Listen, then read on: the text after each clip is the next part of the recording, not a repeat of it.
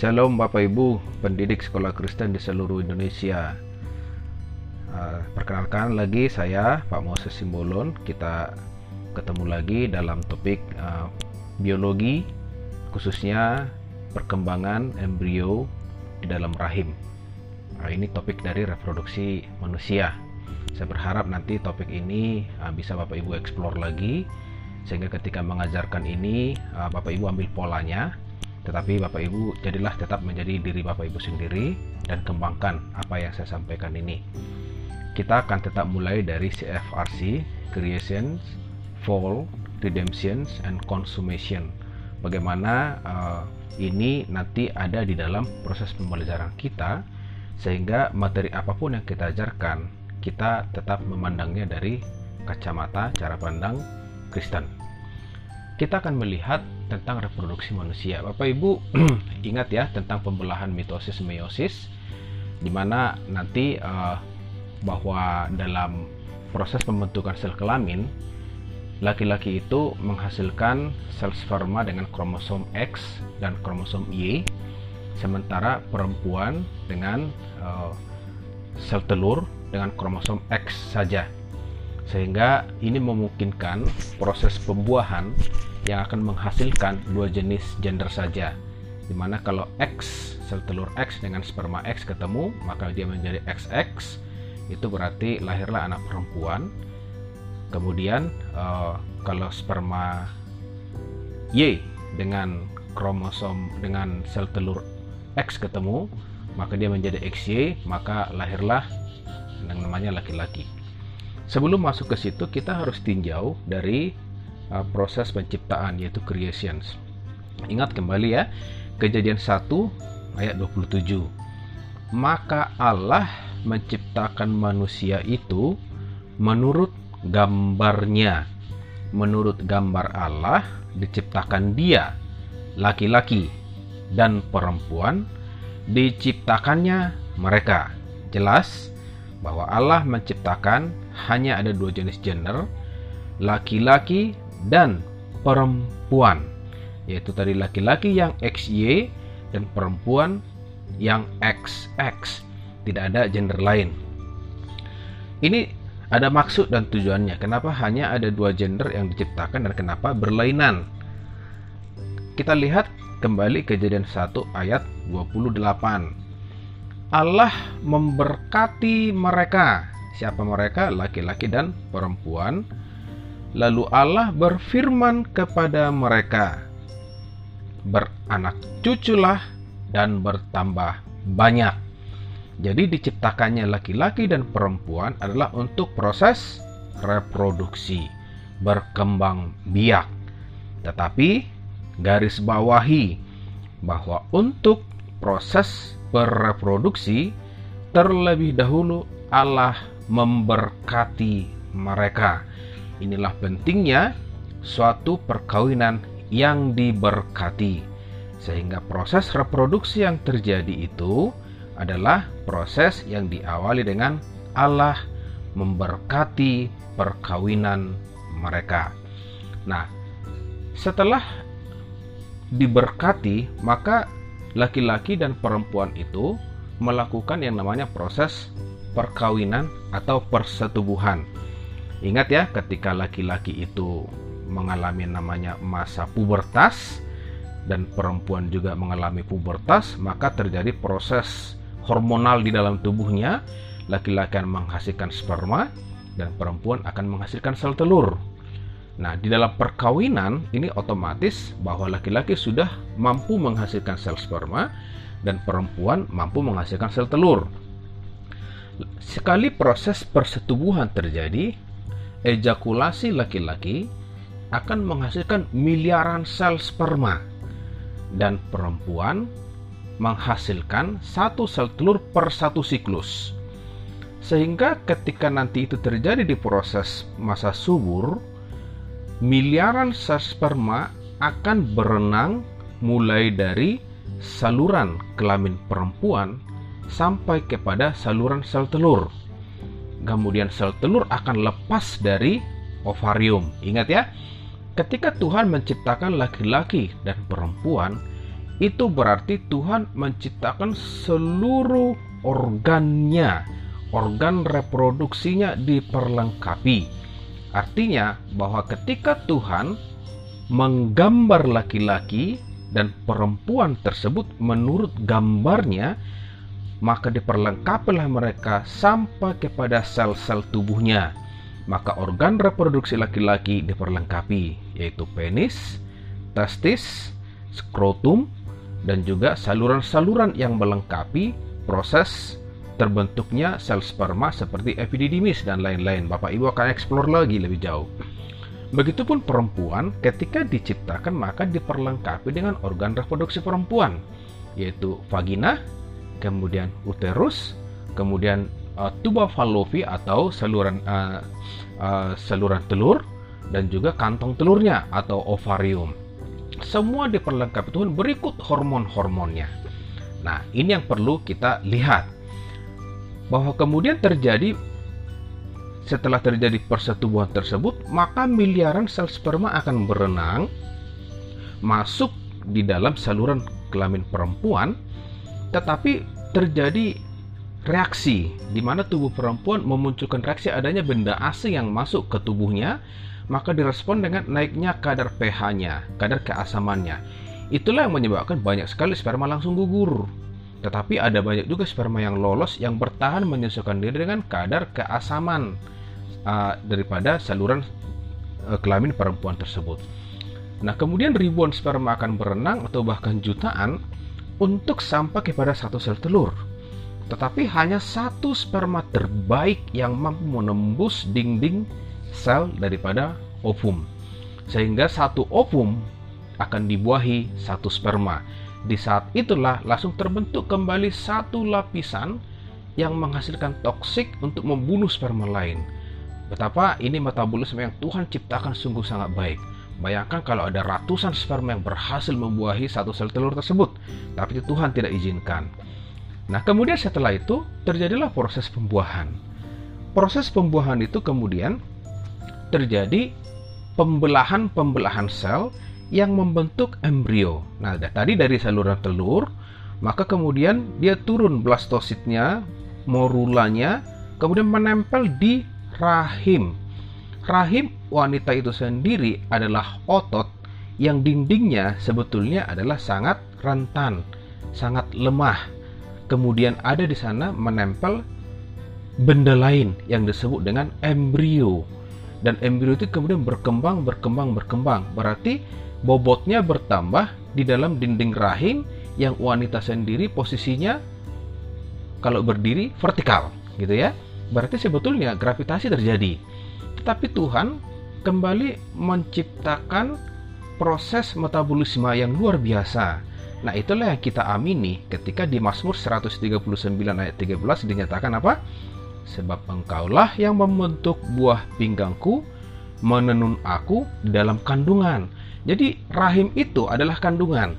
Nah, kemudian Tuhan langsung menenun bayi itu sendiri, embrio itu, kemudian sel-selnya bertumbuh dan langsung dilindungi oleh pembuluh-pembuluh darah otot yang mengikat daripada embrio tersebut supaya tidak jatuh. Nah, kemudian diikuti dengan proses munculnya hormon, hormon-hormon yang lain yang akan menjaga bayi tersebut.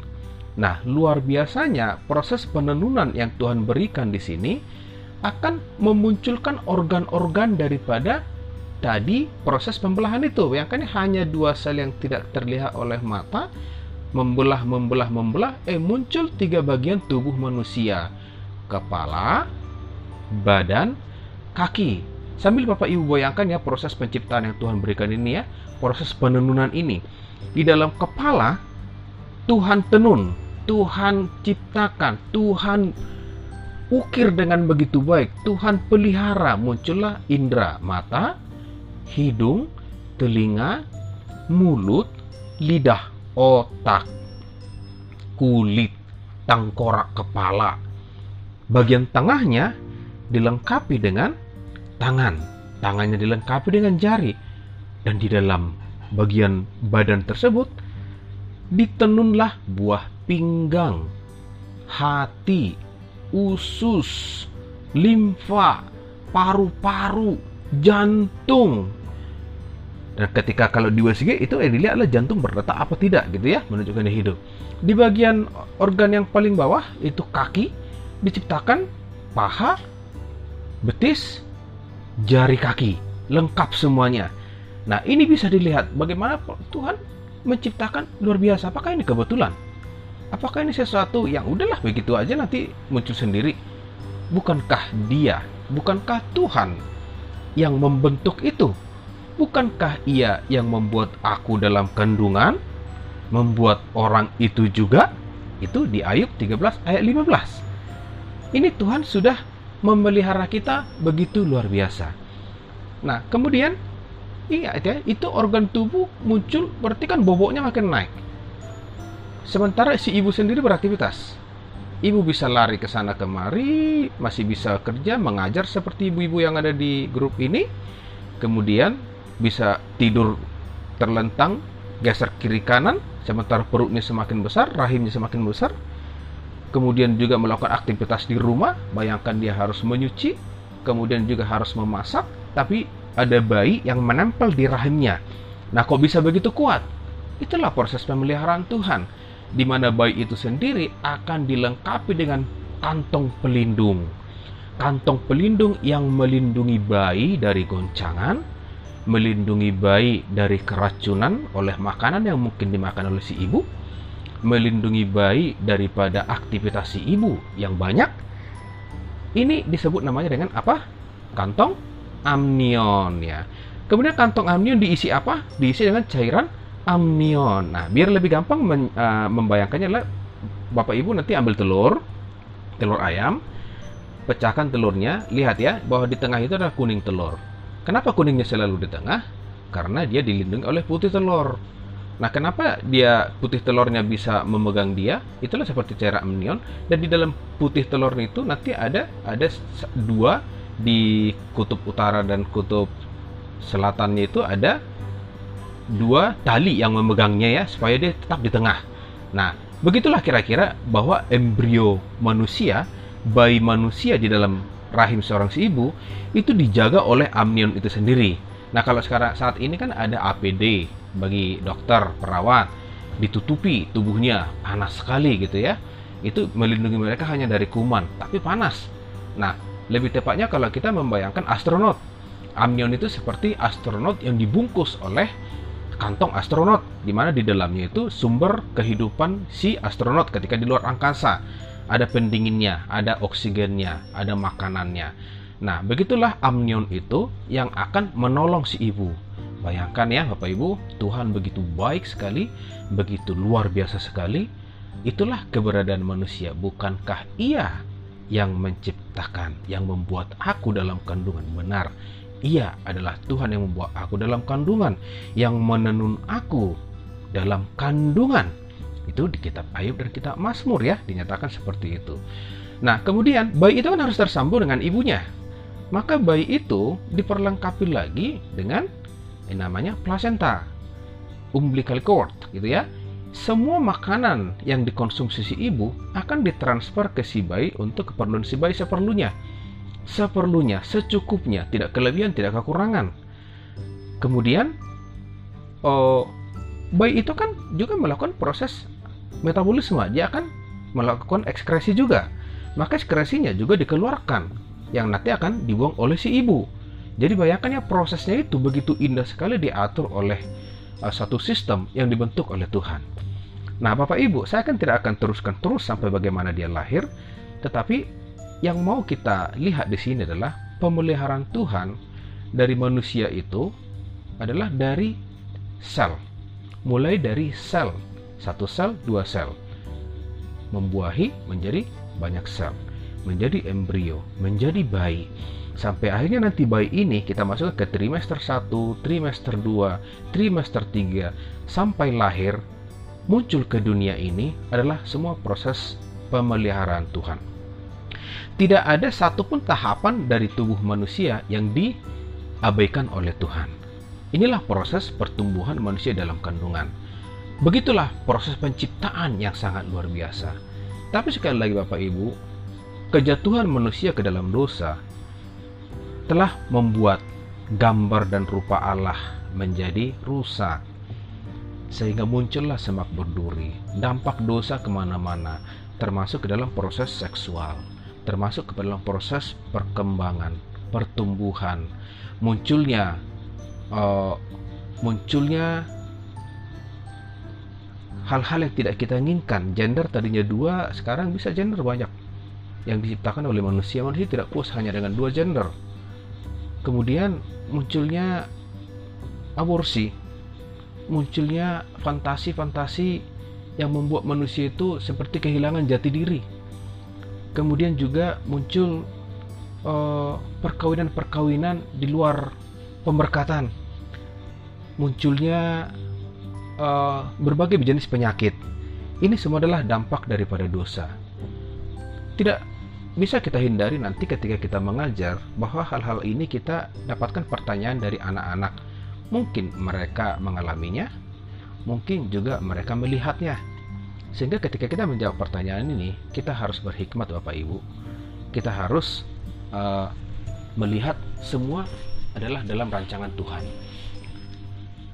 Saya pernah mengalami ponakan saya lahir kemudian begitu bersuka cita uh, orang tuanya ternyata setelah tiga jam membiru. Kenapa membiru? Kemudian dilihat tidak ada anusnya. Mulai umur satu hari dioperasi sampai puluhan kali beroperasi. Dioperasi di Pulau Batam dioperasi di Medan sampai dioperasi di Jakarta rumah sakit harapan kita. Lebih dari 10 kali sudah dioperasi tapi begitulah kita melihat bahwa Tuhan memelihara manusia dalam setiap proses kejadian manusia itu sendiri. Dan dia sekarang tumbuh menjadi anak yang luar biasa anak yang tampan. Sekolah sudah SMA sekarang. Jadi kita pun harus melihat ketika Tuhan disalibkan untuk apa dia datang? Kenapa dia mesti disalibkan? Itulah bukti penebusan akan dosa-dosa yang sudah dilakukan oleh manusia maka itulah yang akan kita lihat ke anak-anak kita bahwa mereka ditebus kasih Tuhan ada di wajah-wajah anak kita tersebut. Kemudian kita akan arahkan mereka ketika mereka suatu saat nanti uh, terjun ke masyarakat, maka mereka akan menyadari bahwa Tuhan memelihara kehidupan mereka. Inilah dulu uh, pertemuan uh, singkat kita di dalam pembelajaran biologi pada hari ini. Tuhan memberkati.